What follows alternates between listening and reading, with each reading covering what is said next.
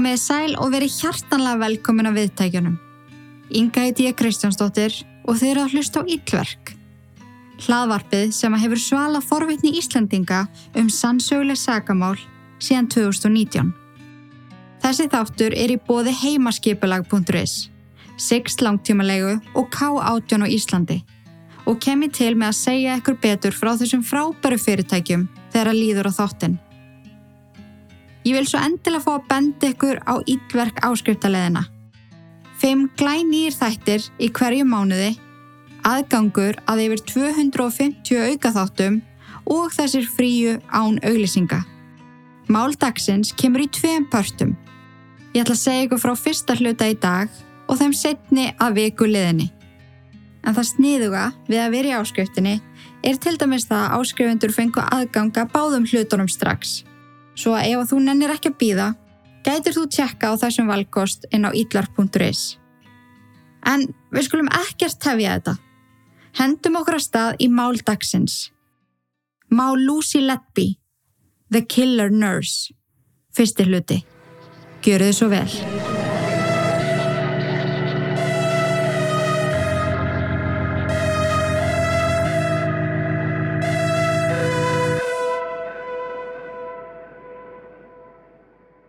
Árið 2015 fór að koma upp dulafull atvik á Neonatal Unit í Countess of Chester sjúgrásinu.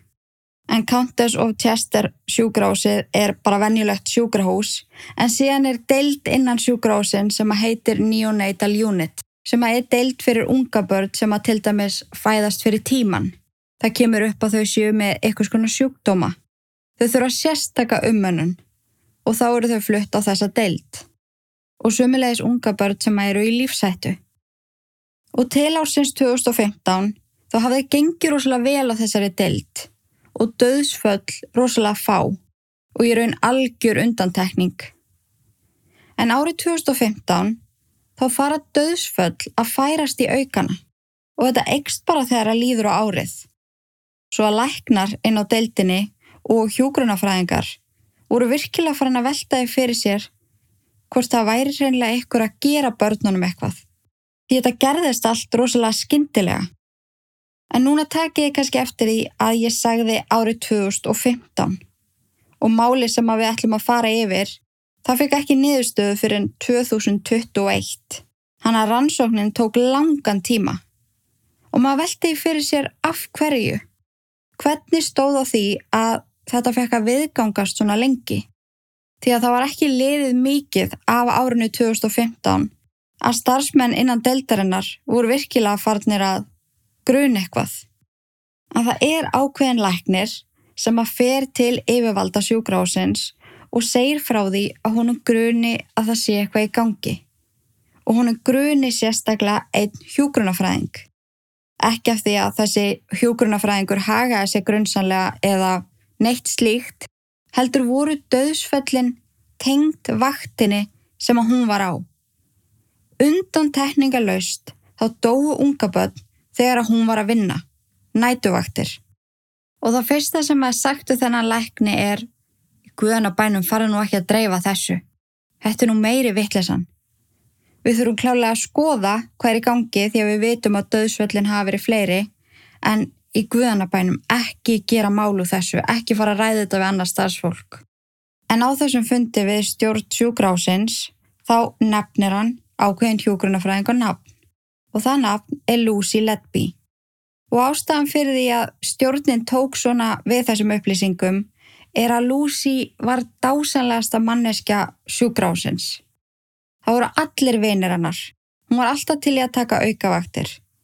Lífið hennar snýrist um að vera hjúgrunafræðingur. Batna hjúgrunafræðingur. Þjónustan sem að hún veitti foreldrum var framúrskarandi.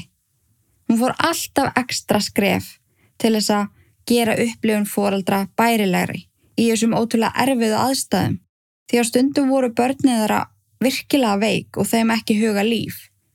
En Lucy var alltaf til staðar og heimitt tilbúin að taka auka skref fyrir fóreldrana og börnin.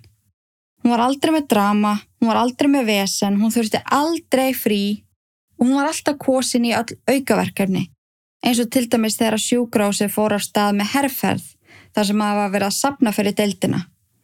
Þá byrstist hún á forsiðu dagblada í bænum og var í rauninni andlit herrferðarinnar. Hún tók þátt í mörgum svona herrferðum. Hún var oft á tíðum andlit deildarinnar. Og af hverju var hún valin í þessi verkefni? Senlega því að hún var besti hjúgrunafræðingurinn á deildinni. Hún passaði upp á að allt var í rauð og reglu. Hún passaði að aðrir hjúgrunafræðingar færu eftir reglunum. Það var allt pottjett í kringum Lucy Ledby og það var engin möguleiki á því að hún tengdist þessum döðsföllum. Þannig að það var ekki hlusta á þennan lækni sem að tala þarna við stjórnina 2015. En svo fara aðrir hjúgrunafræðingar að taka eftir þessu. Og af því að þau voru meðvituð um það að það væri eitthvað skríti í gangi, þá urðu allir rosalega varir um sig og gáttu ekki með nokkru móti leitta hjá sér ef að einhver sagði eitthvað undalegt eða komi skrítna aðtóasemt eða hegðaði sér undalega. Og aðri hjókunarfræðingar fóru að taka eftir alls konar undalegu hjá Lucy Ledby, einmitt skrítnum aðtóasemtum, eins og til dæmis það er svo leiðilegt þegar maður þarf að vinna vennjuleg hjúgrunastörf. Það er miklu meiri hasar hérna. Eða þegar hún og annar hjúgrunafræðingur ganga fram hjá dimmu herbyggi þar sem að líti unga barn var sofandi og Lucy rétt lítur henni í herbyggið og segir hún er rosalega föl og hjúgrunafræðingur sem að gekk með henni gati ekki hristið af sér. Hvernig viss hún að litla stelpan var í föl? Það sást ekki í hana og það var dimt inn í herbygginu. Líka aðtóa semtir á við hann er ekki að fara að lifa af. Eða þegar hún segir, af hverju lifa sum börn af og sum ekki? Það hljóta að vera einhvers konar örlög sem að ráða því. Og starfsfólk fyrir að taka eftir þessu.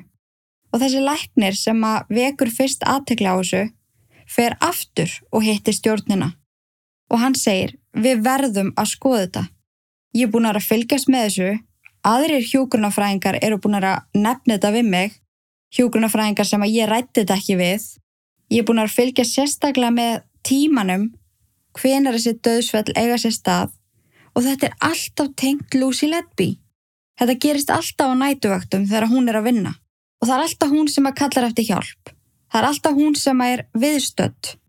Þetta getur ekki verið eðlilegt og við þurfum að skoða þetta því að döðsföllum fjölgar, það er eitthvað í gangi. Og það er fyrst þarna sem að það er tekið marka á honum eða allavega samþaukt að skoða þetta betur og spáði því að þetta er ekki fyrir enn í lók 2016. Þarna hafðu mörg döðsföll átt sér stað og líka hræðileg slis þar sem að börn voru nær döðaðan lífi. Og þráttur það að þessi læknir væri búin að segja stjórninni frá þessu, þá var ekkert almennilega gert fyrir enn 2016. Og til þess að aðtuga það hvort það gengi upp hjá lækninum að þetta gerðist bara á nætuvöktum þegar Lucy var að vinna, þá var ákveð að færa nefnir á dagvaktir og aðtuga hvort að döðsföllum á nóttinni myndi fækka. Og ótrúlegt en satt, þá færðust döðsföllin yfir á dagvaktina. Alltaf þegar Lucy var að vinna. Og það er þarna sem að stjórnin sér að það er sennilega eitthvað til í þessu hjá lækninum. Það er dölafullt að döðsföllin fylgi henni. Hún er ekki handtekinn eða haft samband við lauruglega neitt slíkt. Heldur er næst prófað að setja hana í skrifstofustarf. Þar sem hún er að taka á mótið í þegar að fólk panta tíma eða einmitt taka á mótið sjúklingum. Og döðsföllin hætta algjörlega. Og þarna var fyrst hugsað með sér. Vá, wow, gæti alvörinni verið að Lucy Letby, þessi dásamlegi hjúgrunafræðingur sé alveg að myrða unga börn. Fólk átti rosalega erfitt með að trúa því og margir hreinlega neituð að trúa því en það var orðið ansi ljóst að það þurft að gera rannsókn á þessu. Setjum pinna í þennan tímapunkt málsins en við langar að stoppa hans hérna og ræða Lucy Ledby hver hún var og hvað í ósköpunum kominni á þennan stað. Og það sem að ég átti svo erfitt með þegar kemur að þessu máli, það sem að ég hef búin að vera að klóra mér mest í hausnum yfir síðustu daga, er hvernig. Undan tekníkalaust í málum sem að ég tek fyrir, þá get ég fundið eitthvað skonar útskýringu. og það er eitthvað sem að mér finnst rosalega mikilvægt að gera þegar að kemur á málunum sem ég tek fyrir. Ekkert endilega því að maður langar svo að greina fólk, heldur finnst mér í skilja aðeins betur, fá meiri dýft í málið. Og eins og ég segi, þá vanalega get ég fundið ykkur skonar kvata. Skelvilega æska, mjög alvarlegir geðsjúkdómar, öfund, ofbeldissamband, peningar, framjöhald, sveik. Það er yfirleitt eitthvað svona kvati og það sem að perraði mig alveg sérstaklega við þetta mál er að fyrstum sinn þá bara fann ég engan kvata. Ég fann ekkert sem að gæt mögulega komið henni á þennan stað. Allavega ekki fyrstum sinn. En svo fór ég að skoða eins betur. Ég fór að velta fyrir mér hvers konar æsku Lucy Ledby átti af því að ég hafði heyrt að hún væri engabann og hún var fyrst í fjölskyldunni sinni til þess að fara í háskóla. Hún hafði aldrei verið við Karlmann Kent, 33 ára gömul. Það er svo sem ekkit að því en það er alltaf áhugavert að skoða og allir líst henni sem Vanilla eða Bates. Hún var ótrúlega vennjuleg. Hún var í rauninni vennjulegri en vennjulegt fólk og það fór rosalega lítið fyrir henni. Þannig ég svona skoðaði þessar upplýsingar og hvað við getum mögulega séð út frá þeim. Og í kjölfari fann ég nokkra aðra áhugaverða punta sem á mig langar að bera undir ykkur. Ég teka fram að ég er ekki að greina neitt, ég er bara svona virkilega velt þessu fyrir mér því að ég neita að taka því að hún hefði bara verið að gera þetta í ganni sínu. Það er alltaf eitthvað að í haustnum. Það er ekki til neitt sem heitir að vera bara yllur og bara góður og það er ekkert þarna á bakvið. Það er alltaf eitthvað á bakvið eins og þið vitið. Þannig að mér langaði svolítið að fara yfir æskunennar og fóreldrennar og bera þetta undir ekkur hvort þetta geti spilað inn í hvers konar manneskja hún var. En það er svo áhugaverst að það fyrsta sem að koma upp í hugan á mér var Chris Watts og Ted Bundy. Ég veit ekki alveg af hverju en þegar ég fór að skoða þetta og kynna mér hana betur þá komu þessi nöfn upp í hugamenn að því að ég er búin að skoða á báðar og slá vel og sömulegis Harold Shepman Við höfum tekið hann fyrir en hann var læknir sem að misti eldri einstaklinga. En það var aðalega Ted Bundy og Chris Watts. Og ástæðan fyrir því að þeir komu upp í huga minn á þess að ég fari ómikið út í það er að Chris Watts var hálfviti. Hann var í alvörunni bara byrtingamind þess að vera hálfviti. Og hann er heimskur, vittlisingur. Ósjálfbjörga mömmudrengs aumingi Og ég veit að þetta er brútal og kannski ekki það sam og ykkur finnst um þennan mann því ég veit að ykkur finnst hann viðbjöður sem hann auðvitað er og hann gerði hræðilegan hlut. En í grunninn er hann mömmudrengs aumingi. Og þetta veit ég eftir að vera búin að hlusta á rosalega mikið af símtölum úr fangelsinu á milli hans og mömmans. Og eftir að hafa skoðað viðtöl við mömmans. Eftir að hafa skoðað það sem að mamman sagði í réttasall eftir að hann myrsti þarna einkonu sín og börnin sín. Mammans var eitthvað sem að kallast enabler. Hún bar són sinn um á silfurfati, jafnvel gullfati. Henni fannst engin kona nógu góð fyrir hann og var öfundsjúk þegar hann gaf öðrum konum meiri aðtegli en henni. Hún segir ég elska þig í öðru hverju orði. Hún segir þú ert fullkominn í öðru hverju orði og þetta er bara skýrasta byrtingamind narsisískrar móður sem að ég hef nokkuð tíman heyrt. Og það er staðreind að þegar þú elst upp með svona fóreldri sem að lítur á þig sem framlengingu á sjálfum sér sem að tímir ekki að deila þér með öðrum og þá sérstaklega ekki öðrum konum sem að berðið um að hásæti finnst þú fullkomnastur í heimi hrósar þér stanslöst Það er auðvitað í lægi að rósa börnunum sínum en þegar það fer út í augar getur það haft þver öfug áhrif. Batni verður í rauninni að sjálfselskum ósjálfbjarga aumingja og þá sérstaklega það að fóreldra gera það sem að fóreldra Chris gerðu. Hann gerði ekkert ránt, hann þurfti aldrei að gera neitt sjálfur, það var allt borgað undir hann og það var ekkert ránt sem hann gerði. Hún talaði hræðilega um sjannan, hún talaði alltaf um það að hún væri ekki nógu góð fyrir hana Hún gaf badnabatninu sínu viljandi hnetur þótt hún vissi að hún væri með ónami fyrir þeim því hún vildi að Sjannan erði reyð út í sig þannig að hún geti klagað í Chris. Hún kom ekki brúðkaupið að því að hún voru á móti því að Sjannan og Chris myndu gifta sig Þetta er svo sjúkt samband að þegar maður fyrir virkilega að hlusta á það sem þessi kona segir, þá guppa maður upp í sig. Og af hverju er ég að nefna Chris Watts í þessu samhengi við Lucy Letby? Því að foreldra hennar eru nákvæmlega eins og foreldra Chris Watts. Ekki bara mamma hennar, heldur pappana líka.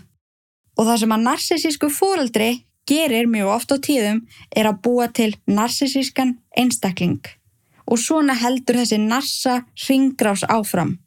Því að staðrindin er að narsisistar átta sig ekki á því að þeir séu narsisistar og yfirleitt benda fingrum á aðra í kringu sig. Þess vegna er bataferðli rosalega lítið og þessir einstaklingar eru stór hættulegir, alveg eins og við sáum í dæmi Chris Watts. Hann var svo mikill aumingi að hann gati ekki skilið við sjannan og verið hrinskilinn til þess að hefja nýtt líf með Nicole Kessinger. Og þetta fyrsta sem að fóreldra hans gera er að segja við fyrirgefum þér, við elskuðu svo mikið og munum alltaf standa með þér. Sama hvað hann gerir, gera hann aldrei neitt ránt. Og af hverju nefn ég Ted Bundy í þessu samhengi? Og mér finnst alveg áhugavert að hann kom upp í huga minn að því það er langt síðan ég kynnti mér hann. En þegar ég gerði það, gerði ég það mjög ítalega. Ég held ég að við gerst fjóra þættu um Ted Bundy. En Ted Bundy var ótrúlegur starfsmæður. Hann var ótrúlega klár. Hann vissi nákvæmlega hvert hann var að stefna. Hann var heitlandi. En það sem hann hafði alveg sérstaklega var að hann stóði ekkert sérstaklega upp úr. Hann var bara rosalega vennilegur. Duglegur námsmaður, duglegur pólitíkus, vinamarkur, brósmildur, fyndin, fór í ferðalag með vinum, átti kærustur. En það sem hann livði fyrir, burt sér frá öllu sem hann gerði þess að var hræðilegt, þá lifði hann fyrir fyrirlisin. Hann lifði fyrir það að menta sig og vinna og hann var drullu góður í því. Hann var venjulegur. Það grunaði engum að Ted Bundy væri morðingi. Og rétt eins og í máli Lucy Letby þá eru mjög margir vinir Ted sem að sögðu Ég mun ekki trúa því að hann hafi gert þetta fyrir hann horfir í augun á mér og segir ég gerði þetta. Þánga til mun ég horfa á hann sem saglösa mann sem er nákvæmlega það sem að vinir Lucy Letby gerðu. Ég kom svo aðeins inn á Harold Shipman, en sérfræðingar hafa kallað hann psychopath og narcissista, en hann myrti gamalt fólk að þeirri ástæðu að þau væru byrði á samfélagið. Þau væri orðin gömul í þjónustu íbúðum, þurftu stanslösa umönnun og hann var í raunin að gera öllum greiða með því að losa þá við þetta gamla fólk. Og spáðið hvað þetta er sjúk hugsun. Og sérfræðingar hafa einmitt líka sagt að hann hefði verið með svona God syndrome. Hann nöyt þess að leika guð. Hann nöyt þess að horfa á fólk deyja, leika sig með lífið þeirra og hann reði því. Hann stjórnaði hvort þú lifðir eða dóst. Og það er sömu leiðis eitthvað sem ég tengi rosalega hart við Lucy. Þannig að þetta eru hlutir sem að ég virkilega skoðaði þegar að koma Lucy Letby. Ég fann það að ég hef ekki getað tekið upp en að þátt ef ég hef ekki komist að eitthvað skonar niðurstöðu. Þannig að ég skoðaði samhengi á milli þessa einstaklinga sem ég var að segja ykkur frá og fóreldrennar. Og eins og ég segi þá var ímislegt sem ég komst að sem að gæti hjálpa okkur að skilja þetta betur. En Lucy Letby er fætt 4. janúar árið 1990 í Breitlandi og hún er fætt í Hereford. Pappennar, John, var að vinna við það að flytja inn húsgögn og mammenar, Susan, var bókari. Og þegar Lucy kemur í heiminn þá er pappana 44 ára gammal og mammenar 29 ára gömul. Og meðgangan var mjög erfið. Hún var mjög veik, hún Susan. Og fæðingin sumi leiðis. En Lucy var næstu í dáin þegar hún fættist. Og hún var engabatt fóreldra sinna. Þannig að það sem að fyldi því að hún væri eina batniðra og hún hefði næstu í verið dáin þegar hún fættist var allatíð þá ofvenduðu þau Lucy. Hún mátti helst ekki hitta vini og þá sérstaklega þegar hún baðum til dæmis að fá að hjóla til þeirra eða lappa til þeirra. Þau vildu að hún væri heima en ef að þau lefði henn að fara að hitta vini þá þurftu þau að keira hana, fara að hitta fóreldrana og ef að þau sögist alltaf sækjana klokkan fjögur þá voru þau komin á slæginu fjögur. Þau pössuðu svakala upp á mataræði hennar, hreyfingu, mátti ekki gangi gerfiefnum og alls konar svona Og það er öruglega margt af þessu sem að fóreldra gera eins og til dæmis að hafa börnin sín ekki í gerfiöfnum eða passa upp á mataræðu þeirra. Ég myndi halda að það veri bara mjög eðlilegt. En þegar þetta sapnast allt saman þá verður þetta kannski svolítið mikið. Og þá sérstaklega þegar barni vex úr grasi og langar kannski hafa sjálfstæðan vilja og sína skoðanir. En hún reynilega móttu það ekki. Hún sagði rosalega unga henni langa að vinna með börnum og það fyrsta sem hún nefnir er að vinna á leikskóla. En mamminar og pappir eru bara uh, nei, þú ert að fara að vera læknir eða hjúgrunafræðingur, þú ert að fara að vinna í helsugeiranum. Þannig að þessu var plantaðin í hausin á henni mjög snemma og með tíð og tíma þá sagði hún fólki að hún ætlaði að verða hjúgrunafræðingur, barna hjúgrunafræðingur. Hún var alla tíð í litlum vinahópum. Hún var alls engin einfari eða neitt svoleiðis og þegar fóreldra hennar neitt hana til þess að fara í kirkjukór í Evangelic kirkjunni þá kynntist hún mikið að bestu vinkonu sínum sem eru enn vinkonur hennar í dag. Og þær kölluðu sig The Odd Ones því að fyrir þeim voru þær ekki vinsalar. Strákar hafðu engan áhuga á þeim og þær hafðu engan áhuga á strákum heldur. En aldrei segi neitt frá því sem að tengis Lucy að hún hafi átt kærasta. Hún hafi verið hrifin af ekkurum. Það var ekkert svo leiðist þegar hún var úlingur, ekkert svo leiðist um tvítugt. Og enn og aftur þá er ég ekki að dæma þá og segja að það sé eitthvað sama sem merkja að þú sérst förðufögl. Það er bara smá áhugavert. Því að sérstaklega svona úlingsárunum þá er maður að skoða sig um, maður verður skotin. En það var aldrei neitt svo leiðis. En það sögðu fóruldra hennar ítrekka við hana að hún þurfti að passa sig á strákum. Því að strákar vildu bara eitt þeir vildu bara fá að sofa hjá henni og svo myndu þeir skilja hann eftir. Þannig að þegar að þetta er tuggið ofan í þig frá því að þú ert barn og kannski breytir skoðuðin á mönnum og, og kannski hættir að treysta þeim. Og það er líka eitt ótrúlega skríti sem að Lucy deilir með vinkonu sinni. Og það er að pappina segi við hana, þú þarft engan annan kartmann í lífið þitt heldur um mig. Þannig að hann er að setja sig í rosalega mikla stöðu í lífinu hennar bara þú þarft ekki kærast og þú þarft ekki manna því að þú hefur mig. Það er sérstækt að segja þetta við dóttur sína og það sem að mér finnst þetta búa til er að ef hún hefði eignast kærasta þá hefði hún ekkit endilega sagt fóröldur sínum frá því. Að því henni var örgulega að fara að líða eins og þau væru á mótið því. Þeim finnist hún ætti að vera einn að einbita sér að náminu og kirkjunni og auðvitað þeim. En frá því hún var fimm ára gömul þá fóruðu á hverju einasta ári til Greiklands saman. Og þau fóru í síðustu þannig ferðina sína nokkrum dögum áður en að hún var handtekinn og þá voru hún 33 ára gömul. En Lucy fer í Eilstone barna- og úlingaskólan í Hereford og fer svo í Hereford 6th Forum College. Og eftir það þá fer hún í hjúgrunafræði í University of Chester. Og þar stefnir hún á barnahjúgrun. Henni gengur rosalega vel í náminu og er í uppbóldi mjög margra kennara. Sumi nefnendur segja hún hafi verið rosalega kennarasleika, alltaf setið fremst, var alltaf að tala við kennaran og hrósunum, var alltaf að rétt upp hendi, alltaf að spurja, æ þessi típa, þessi sem var rosalega investið í náminu sem er náttúrulega ekkert að, en þetta fór í tauganar á sumu fólki, hvernig hún hagaði sér. En hún eignaðist hellinga vinum, hún var vel séð, henni gekk vel í námi, hún fekk góða renganir og fekk svo að fara í starfsnám í Liverpool á Women's Hospital og í Countess of Chester Hospital sem er einmitt sjúgrási sem hún átt eftir að vinna í framtíðinni þar sem að Neonatal Unit er staðsett. Fóreldra hennar voru að kapna úr stolti og auðvitað voru þau að kapna úr stolti. Henni gekk rosalega vel. Hún var að fá geggar enganir. Hún komst inn í starfsnám sem að var alls ekkit sjálfsagt og hún útskrifaðist svo með frábæra enganir og fekk hann að starf hjá Countess of Chester Hospital. Og það sem að fóreldra hann að gera þegar hún útskrifast er að láta prent út stóra mynd af henni í blaðinu og óskinni til hamingju með árangurinn. Það áhugaverða er við þessa blaðagrein sem að þau búa til um hana, sem er alveg krútli hugmynd, er að þau hafa gert þetta mjög oft áður. Þegar hún var 20, þegar hún var 21 þá settuðu myndaðin í blaðið og óskunni til hamingju. Fullkomna dóttur okkar, litli engillin okkar. Þú ert að standa þið svo vel. Þannig að fóreldrannar gengur rosalega langt með að styðja við bakið á henni. Hún þurfti aldrei að vinna eitthvað að viti, eitthvað aukastörf. Hún vann á kaffihúsi í eitthvað tíma þegar hún var 18 ára gömul. En annars þurfti hún aldrei að vinna því að hún fekk bara pening frá fóreldru sínu sem að voru freka vel stæð.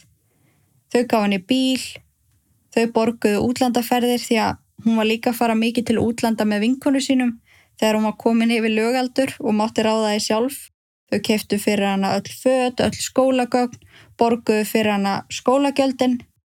Svolítið líkt og með fóröldra Krist þá báruðu hana um á sölvu fati. Littla dýrmæta prinsessan þeirra.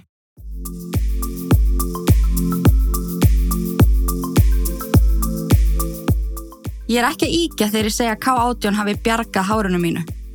Vörurnar eru uppfullar af hreinum, háþróðum efnum sem að hafa það verkefni að byggja upp hárið, vinna úr skemdum og hreinsa upp sapnaðan viðbjóð sem aða til að sitja sem fastast í höfuleðrinu. Aðalmununum sem að ég finn eftir að hafa nota vörurnar, allavega síðan í mars, er að hárlós er algjörlega hægt. En þetta var eiginlega komið á ákveði hættusteg hjá mér. Þegar ég misti lúku í hvert sinn sem ég fór í styrtu og þurfti bókstala að taka hár úr hárbörstanum mínum nokkur svonum á dag. En það vandamál er alveg horfið. Svo ég myndi klárlega að prófa K18 ef þeir eru að eiga við hárloss. Og líka ef þeir eru hormonapjæsan eins og ég. Hárið mitt fær svo sannlega að finna fyrir því þegar uppbólstími mánaðarins mætir í hús. Saði enginn aldrei. Það verður skítutt strax, mér verður oft illt í hársverðinum og þá yfirlegt á sér stað auki hárloss en K18 hefur sömulegði slagað það algjörlega.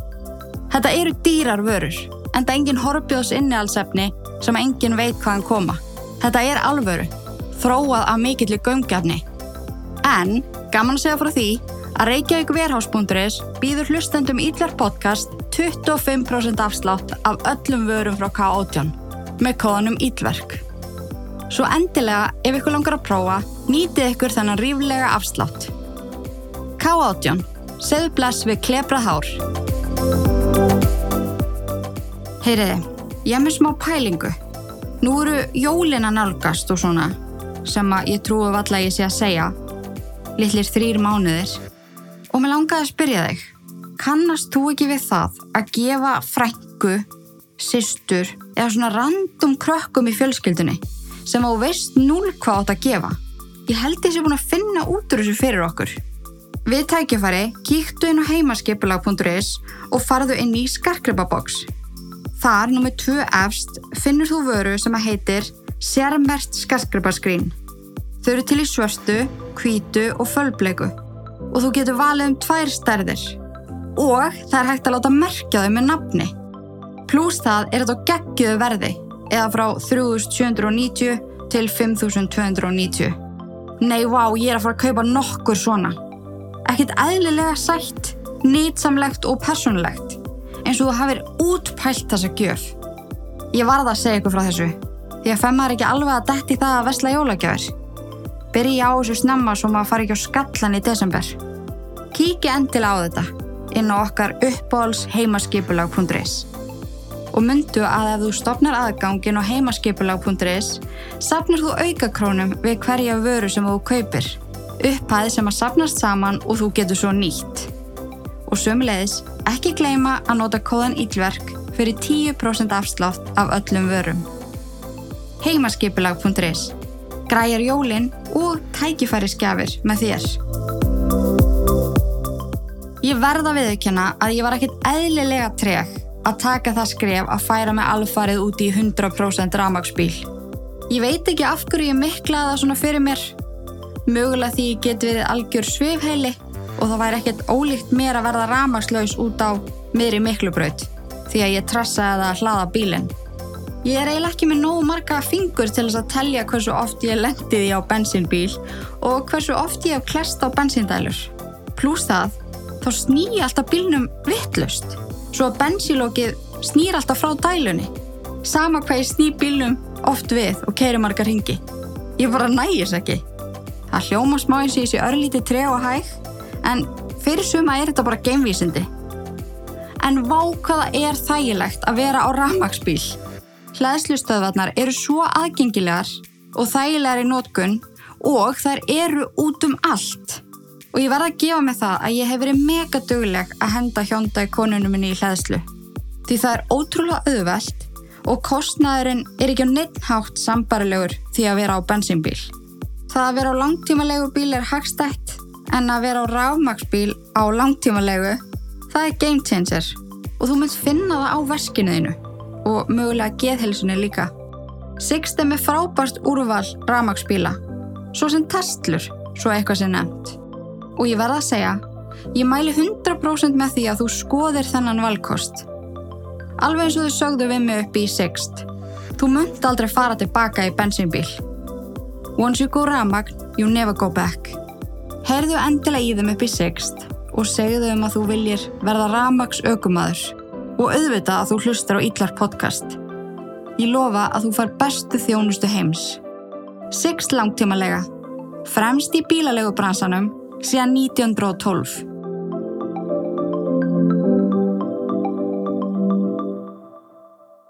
En svo er mjög áhugavert og sínir okkur svolítið vel hversu stjórnsum þau voru við hana og hversu lítið hún yfir æfina sína mátti taka sínar eigin ákvarðanir er að þegar hún fær þessa vinnu á Countess of Chester sjúkrásinu þá langar henn að flytja til Chester því að hún sér hús á sölu sem er í gungufæri við sjúkrásið. En heimili foreldrennar var í tveggja og hálfs klukkutíma fjarlæð frá sjúkrásinu. Þannig að henni fannst rosalega óhendu að þurfa að keira alla þessa leið til þess að fara í vinnuna. Og hvað þá vinnuna á nóttunni því að hún var að fara að taka nætuvaktir. En nota benið þegar hún var í náminu þá þurft hún ekki að keira svona milli því að foreldrennar hreinlega tóku íbúða leigu í tester þar sem að þau byggu alls saman á meðan hún var í námi. Svo bjóð hún í eitthvað smá tíma með vinkunni sinni á stúdendagörðunum sem að var mjög mikið drama og hún rettiða mjög mikið við vinkunni sína að hún var í stanslöst með samverðskupið yfir því að skilja fóröldra sína eftir og þau væru mjög ósátt við það. Af hverju hún vildi ekki bara búa heima. Þau gætu skuttlaðinni. Þau gætu búið í tjester í íbú þar sem hún geti búið líka. Hún ekkert nefn náði ekki að njóta sín og meðan hún bjóð þarna með vinkunni sinni. En svo er Lucy orðin 24 ára gömmul árið 2012. Allur ná ekki hugsa með sér að, já já, nú er komin tími til þess að ég flytja heimann. Hún þurfti alveg að taka samningsviðræður við fólkdra sína sem að vildu alls ekki hún flytta heimann. Þau spurði hana hvað ættu þau að gera þarna bara tvö. Þau myndu sakninar svo ótrúlega mikið. Hún segi við þau að hún verði að læra að standa á eigin fótum. Hún verði að vera nær vinnunni sinni og henni langi líka bara að prófa að búa einn. Láta á það að reyna. En allir þetta hafi ekki verið einn fyrsta ákvörðinin sem að hún fjekk að taka. Ákvörðin sem að í alvegni fór í gegn og þau lefði henni að ákveða. En þau lefði henni samt ekki að flytja í húsi sem að hún hafði séð til sölu. Heldur völdu þau hús fyrir hana og keiftu það handinni. Þau keiftu svo öll húsgák sem hún þurfti, öll heimilistæki. Já, þau innréttuðu heimileganar og herbyggið hennar á nýja heimilinu var nákvæmlega og herbyggið hennar heima á fóreldramennar sem að þau notabenni heldu algjörlega óbreyttu. Þau valla byggum um rúmi þar sem að hún svaf síðustu nóttirri sína áður hún flutti. Herbyggið hennar hjá fóreldramennar var allt út í Disney-fíkurum, bánsímón, alls konar tuskudýrum, alls konar teppum, dullupúðum.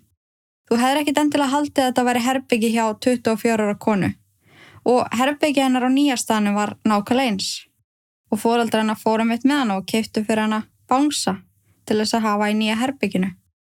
Þannig að þið sjáu það að það er komið fram við hana eins og barn.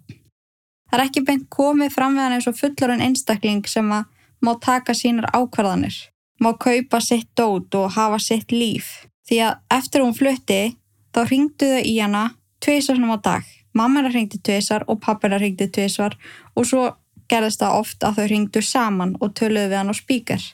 Hún vekk líka mikið að skilabóðum frá þeim, stanslust yfir daginn, SMS, Messenger.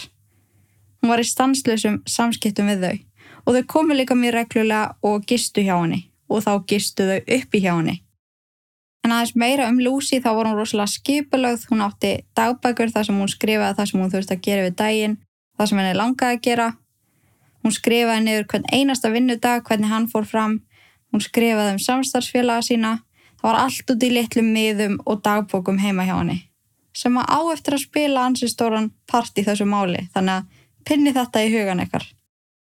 En svo sinnur hún sínu starfi, byrjar þarna 2012 og árið 2015 kemur þessi undarlega hreina döðsfalla á sjúgrásinu og þá sérstaklega á þessari dild þar sem að þessi viðkvæmi unga börn í viðkvæmi stöðu koma fyrir hjálp og sérstaklega umönun og þetta eru aðalega mitt fyrirburar börn sem er að næra stíla börn sem að fæðast með kvilla, sjúkdóma þetta eru mitt bara börn sem að þurfa sérstaklega þjónustu og eins og við töluðum um þá stóðum sér rosalega vel og var ótrúlega vel séð og flesti sem var rætt við sem að unni með henni sögðu það sama.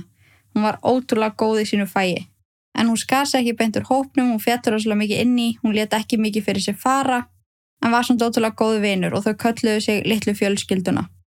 En það voru samt nokkri sem að var rætt við sem að fannst hún frekar perrandi týpa. Því að það sem Lucy gerði var að hún klagaði rosalega mikið, annars starfsfólk, ef að það var ekki að fara 100% eftir reglónum því að hún vildi hafa allt svolítið klift og skorið og ef hún sá að fólk var ekki að gera það þá heiklust sagði hún til þeirra. Þannig að þetta fólk fekk tiltal og það pyrraði fólk að hún væri stanslust að klaga. En ég fór að velta þið fyrir mér, af hverju árið 2015? Hún byrjar að vinna þannig 2012. Það er verið að rannsaka árin hann á milli en það er augljóst samkvæmt gögnunum að þetta byrjar 2015 og ég fór að krifja þetta Því að það getur ekki verið að hún hafi vaknað einn daginn og hugsað með sér, jájá, nú ætlum ég að byrja að skada unga bönn. Það hlaut að vera ykkur ástæða. Kanski ekki ástæða heldur meira svona kvati, ykkur skona trigger, ykkvað.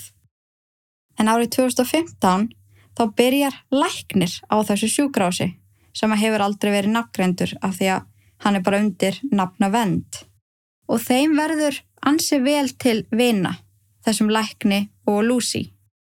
Þessi læknir er á svipum aldrei hún en hann er giftur og var búin að vera það í sex ár og áttu börn.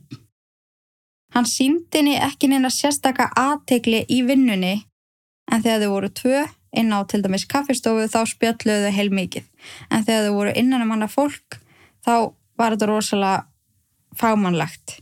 Þetta var bara hjúkunarfræðingur og læknir og samskiptum voru þannig en svo verður vinskapur þeirra aðeins meira en vinskapur. Þau vilja bæði meina að þetta hafi ekki verið neitt, en þegar maður skoða gögnin þá veldur maður fyrir sig hvort að það hafi verið eitthvað meira í gangi. Þau fóru að SMS-ast nær allan sólarhingin og læknirinn eitti öllum samskiptum þeirra á milli. En þau töluðu saman í SMS, þau töluðu saman á Messenger og svo nótuðu WhatsApp sem er mjög vinsalt app allstaðar nema á Íslandi. Ég allan að þekki ekki neitt sem notar það. Og Lucy, hún skrifar nafnið hans í dagbækurna sínar aftur og aftur og aftur og aftur með hjörtum í kring. Hún skrifa nafnið sitt með eftirnafninu hans sem að gefa þetta kynna að hún var kannski svolítið skotin í honum. Og hún deilir þessu með tveim bestu vinkonu sínum. Og í eitt skipti þá sendur hún til dæmis SMS á vinkonu sína þannig árið 2015 og segist að fengi fyrir eitthvað undarlegt skilaboð frá lækninum og vinkona bara hvað senda þér? Og þá hafði hann spurt hana hvort að hún var í nakin. Og það væri best að vera bara kommando eins og hann orðar þetta. Og þá segi vinkonan hann er greinilega að þér. Og Lucy bara nei, hann er bara vinu minn. Hann að hún neytar alltaf fyrir þetta. En vinir hennar sáu þetta alveg að það var greinlega eitthvað á millera þau voru svona skotin í hver öðru. Og einmitt skilabóðin á milliðra voru stanslaus. En hún fjekka ekki sömu aðtegli frá honum í vinnunni. Nema þegar kom eitthvað upp á. Þá hafði hún tækifæri til þess að kalla sérstaklega á hann. Þá fekk hún tækifæri til þess að vinna náu með honum, til þess að bjarga lífi barna. Og þegar þau náða að bjarga barni, þá heyrði mikið af starfsfólki til hans segja þú ert mögnuð. Þú ert svo góð í þessum aðstæðum. Þú ert svo góður hjúgrunafræðingur. Ég hefði ekki geta gert þetta án þín. Og þannig eru við að tala um mannesku sem að hefur aldrei verið við Karlmann kent. Ekki svo við vitum og ekki svo að vinir hennar eða fjölskylda viti. Og þannig eru skotin í lækni sem er til í að gefa henni alla aðtegli heims utan vinnu ekki í vinnunni, nema þegar kemur eitthvað upp á. Gæti þetta verið íkveikjan af því sem að hún síðan gerir? Þegar öllum tilfellum sem að ég er að fara að segja ykkur frá núna eftir, þá er Lucy viðstödd, bæði það þegar að barni veikist, þegar það verið að reyna að bjarga barninu og undan tekníkalöst þá kallar hún í þennan lækni og þau vinna saman. Eru þið að sjá það sama á ég? Er þetta kveikurinn? Það sem að mér fannst pínleiti erfitt við þetta mál er að ég get ekki sagt eitthvað hvað börnin heita en þau eru bara mert með bókstöfum sem að mér finnst rosalega ópersonlegt en ég skilða alveg af því að það er verið að venda öryggi þeirra og fóreldra þeirra og venda nöfnin þeirra sem að þau síðan fengu. En ég get allavega sagt ykkur hvenar þau fættust og hvað kom fyrir þau. Sem er það minnsta sem ég get gæst í þessum þætti til þess að heiðra minningu þeirra. Að það sé allavega að tala um hvað þau þurft að gangi í gegnum. En áður við fyrir mig við það, sumum aðeins upp það sem að ég er búin að tala um. Fóreldrænar beitt hann ekki ofbeldi. Þau voru ekki vond við hana. Þvert og móti. Þau báranum á Silvubakka og gerðu allt fyrir hana. En mér finnst þetta vísa svolítið til þess að þau hafi stjórnað lífennar. Hún hafi í rauninni aldrei fengið að taka sjálfstæðar ákvarðanir eða verða karakterin sem að hún vill. Hún var fullkomin í þeirra augum. Hún var fullkomin í námi. Hún var hinn fullkomna dóttir og þau vildu eigða öllum sínum tíma með henni. Mér líður eins og þau hafi aldrei klift á naflastrengin og það getur auðvitað haft áhrif á fullarinn einstakling þegar að mammaðin og pappi eru ennþá að stjórna því sem þú gerir og einhvern veginn hafa áhrif á allar ákvarðanir og það sem þú vilt og hvernig karakter þú ert. Og það er staðrind að uppeldi mótar þig. Það er mjög margt í mínu uppeldi sem að ég er ána með en það er líka margt sem að ég er ekki það ána með og þá er mjög mikilvægt að break the habit. Ég vil ekki halda áfram með þessa tildöknu hluti sem að mér var kent. Og fóröldra mínir gáðu mér alveg tækifæri á því að vera minn eigin karakter. En þegar þú færð ekki tækifæri til þess og þetta er tuggið ofan í þig þangað til úr 24 pluss, þá er erfitt að komast út úr þessu. Og hún var alltaf tíður og slá þögul og feimin og sagði ekki sína skoðanir. Þannig að mér finnst þetta alveg mikilvæg punktur í þessu máli. Svo fær hún hann í fyrsta sinn aðtegli frá Karlmanni sem að hún er hrifin af tilbaka. Maður veit náttúrulega ekkert hvernig lífið hennar hefur verið þegar það kemur að þessu. Maður veit ekkert hvort að hún var að sofa hjá eða hvort hún var að hitta menn eða hvernig það var. Það hefur aldrei verið talað um það. En vinir hennar segja að það hafi aldrei verið neitt svoleiðis.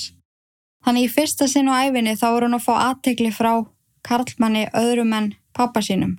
Hún er að fá aðtegli frá öðrum heldur en fóldru sínum og henni hefur auðvitað fundist það mjög spennandi. Og upp á þessu, allavega sangant gögnunum, það eru auðvitað að rannsaka þetta betur, þá hafði hún annast yfir fjögur þúsund börn og henni hefði alltaf verið hampað fyrir að vera frábær hjókunarfræðingur og ótrúlega færi í sínu starfi. Og svo allt í einu þá gerist þetta og nú skulum við fara yfir það sem að gerist. Barn nummer A. Það er tvíbrastrákur. Hann fættist fyrir tíman og var tekinn með keisaraskurði á 30. og 1. viku. Hann var fluttur á Neonatal Unit í sérstætt Care Room þar sem að þurfti hámarks umönun fyrir litla drengin. Þrejum dögum eftir hann fæðist eða 8. júni þá er skráð í skýslunans að hann sé mjög góðu og stabílu ástandi og gætt anda sjálfur. Þannig að sama dag, 8. júni, þá mæti Lucy á nætuvakt klukkan 19.30 og hennar starf á þessari nætuvakt var að hugsa um þannan litla strák. Og þá var mælt með því við fóröldrastráksinn sem að voru búin að setja yfir honum allan tíman að fara í annan herbyggi og reyna að sofa því að þau voru bæði úrvinda. Klukkan 20.26, þannig að rúmlega hálf nýju um kvöldið, klukkutíma eftir að Lucy mætir á vaktina sína, þá vestnar ástand drengsins skintilega. Hann fer að eiga erfitt með að anda Á mjög stuttum tíma verður líka mennans þakin fjólublám og svörtum blettum og hjarslátturinn lækkar verulega. Og Lucy kallar á hjálp. Hún beður starfsfólk um að sækja læknin sem að hún var búin að SMS-ast við í mjög langan tíma. Hann kemur inn í herbyggið og þau reyna í saminningu allt til þess að bjarga barninu. Ég veit ekki nákvæmlega hvað er gert þegar að kemur á unga börnum hvort það er nota hjartanóð eða eitthvað vélar eða eitthvað svo leis en það er allavega reynd allt sem að mögulega var hægt að reyna. Rett fyrir klukka nýju, hálf tíma eftir að ástandans vestna svona, þá lést drengurinn og Lucy hleypur og sækir fóraldra hans og segir við þau að hann sé dáin. Og hún segir orðrætt, Your son is dead. Ekkert meira, svo hleypur hún aftur tilbaka. Og inn í sama herbyggi er tvíbróbróður hans, þeir voru náttúrulega tveir og það er allt í lagi með hann. Þannig að þau hlaupin í herbyggi og reyna átt að segja á því hver að gerast og taka svo hinn drengi sinn í fangið sem að var líka stabíl og gekk rosalega vel með hann. En þar sem þetta gerðist svona skindilega og læknirinn fattaði ekki alveg af hverju þessi flekkir byrtust á líkama drengsins og hvað gerðist nákvæmlega, þá var ákveð að krifja líkið. Þá kom í ljós að það var stór loftbóla í æð við hliðin á mænunni. Þannig að fyrstum sinn var ekki alveg vitað hvernig þetta snúa sér í þessu og hvernig þetta gætt mögulega gæst en strákurinn var með æðalegg þannig að það var veld fyrir sér kannski er þetta eitthvað skonar óhapp því að það sem að getur gæst sem að gerist mjög sjaldan en getur gæst og gerðist öruglega oftar fyrir á tíðum er að getur komið loft úr spröytunni. En þegar þetta var ansaka betur þegar allt komið ljós þá hafði Lucy dælt fullri spröytu af lofti inn í æðina sem að veldur blóðtappa og það veldur þessum undalegu flekkjum á líkamannum. Þannig að þetta gerist 8. júni 2015 og læknirinn kemur þarna líka við sögu því að hún kallar í hann. Barn nr. B. Tvíburasistir barns nr. A. Mér minni núna að ég hef sagt að þetta væri tvíburabræður. Afsakið það, þetta var strákur og stelpa. Og barn nr. B er tvíburasistir barn nr. A. En hún var alveg stabíl og í mjög góðu standi. Í rauninni miklu betra standi heldur en bróður en að var í áður en þetta gerðist. Og hún var sofandi í vöggu inn í sama herbyggi og bróður hennar. 28 klukkustundum eftir að bróður hennar deyr, eða þann 10. júni árið 2015, snemma morguns, mjög stuttu áður en að vaktin hennar Lucy var búinn, þá lækka hjarsláttur hennar verulega upp úr þurru. Lucy hafi verið inn í þessu herbyggi með fóreldrónum þegar þau voru að kveðja svonsinn en þau voru þarna farin út og það var búið að flytja drengin í annað herbyggi. Þannig að Lucy var þarna ein eftir og hennar starf var að passa stelpuna og eftir að hjarslátturinn lækkar þá kallar hún á hjálp og byður samstarfsfélaga sína að sækja læknin. Og Lucy og læknirinn og aðri hjúkunarfræðingar reyndu allt sem þau gáttu til þess að bjarga stelpunni. Og það sem að vakti aðtegli læknisins er að hún var með nákvæmlega eins flekki og bróðu sinn fjólubláa og svarta um allan líkamann. Svo honum grunaði að hún var að eiga við það sama og bróðarinnar hefði verið að eiga við. En blessunlega þá náðu þau að bjargani og hún lifði þetta af og í dag er hún búin að ná sér að fullu sem er dásanlegt að heyra. En hún útskrifaðist að sjúgrásinu mánuðu síðar. Og eftir þetta atvik, eftir þessa skelvelu nótt þar sem að þessi sískinni lenda í þessum hremmingum og strákurinn deyr, þá sendir Lucy lækninum SMS. Ég hefði aldrei getað þessar aðstæður án þín. Og hann sendir henni sömu leiðis. Hún sendi hjarta og hann sendi hjarta. En það er talið eftir á þar sem að enginnin voru nákvæmlega eins að hún hafi spröyta lofti inn í æðar stúlkunar líka. Hún hafi nota nákvæmlega sömu taktík. En þegar ég segi ykkur frá því að það hefur verið spröyta börnin með ykkurju, lofti, insulíni, allt sem ég er að fara að fara yfir, þá getið þið gengið út frá því að öll þessi börn eru með æðaleggi af því að þau þurfa alls konar næringu og lif til þess að halda þeim stabilum. Þannig að þið viti af því. Næst er það barnum með sé, lítill strákur sem að fæðist 7. júni árið 2015 og hann var bara 800 grömm og þegar pappans hjælt á honum þá gæti hann haldið á honum í lófanum. Hann var í mjög góða ástandi og stabíl og í rauninni það sem að þurfti að vinni í var að ná upp líkamstingdini og hjálpa honum að nærast. og hann var settur inn á þann part deildarinnar að hann var í hámarks ummönnun. Það verðist að fylgjast með honum allan sólarhingin og það verðist að gefa honum mjög reglulega. Það var alltaf sami tíma á milli þess að honum var gefið því að þau vildu ná upp líkansþingdini. Nóttina 13. júni 2015 þá hættir þessi litli strákur skindilega að anda og vélinn sem hann var tengdur í fyrir að pípa. Lucy var ekki að sjá um hann þessa nótt, heldur var annar hjógrunafræðingur að gera það. En sá hjógrunafræðingur hafði skroppið frá á klósettið eftir hún var búin að gefa honum og það er Lucy sem að kallar á hjálp og hún auðvitað kallar eftir lækninum. En þessi litli drengur hann var bæði með æðalegg og sondu til þess að hjálp honum að næra sig. Það var reynda allt til þess að hjálp honum að anda á ný en á lókun sáu það að það var ekkert að gera og Lucy og læknirinn og einn annar hjókunarfræðingur var þarna að reyna hjálpunum. Og þetta ásist stað klukkan 23.15 og til klukkan 05.58 morgunin er reynd allt til að bjargunum, fá hann aftur til að anda. En þau sáu svo að það var ekkert þetta að gera og hann deyr stuttu setna. Hann var bara 800 grömm, þetta litla barn. En það átti svo eftir að komi ljós að Lucy dældi lofti inn í sonduna sem að fór ofan í kokið og ofan í maga, sem að olli blóðtappa, öndunastoppi og hjartastoppi. Þannig að þetta litla barn hefur kvalist rosalega eftir hún gerur honum þetta. En þannig fekk hún tækifæri til þess að kalla á læknin, enn á ný. Og sjáuði líka hvað þetta er að gerast ört. Þrjú börn á fjórum dögum. Og með þess að tvíburar í einu atveikinu. Síðan er það barn nummið D, sem að var lítilstelpa og hún var orðin tveggja veikna gömul þegar hún var flutt á þessa deild vegna erfileika. En mammenar hafi mist vatnið 18. júni árið 2015 en fer ekki keisaraskurð fyrir en tveim dögum síðar eftir að það var ítrekað búið að reyna að gangsetjana. Þessi litla stelpa kom nær líflaus í heiminn. Hún var föl og átti erfitt með að anda. En hún brást rosalega vel við öllum meðferðum og daginn eftir var hún komin í rúslega gott ástand. Hún var komið liti kinnanar, gætt anda sjálf og reyfði sig nokkuð eðlilega. Þannig að allir voru mjög jákvæðir á að hún myndi ná sér.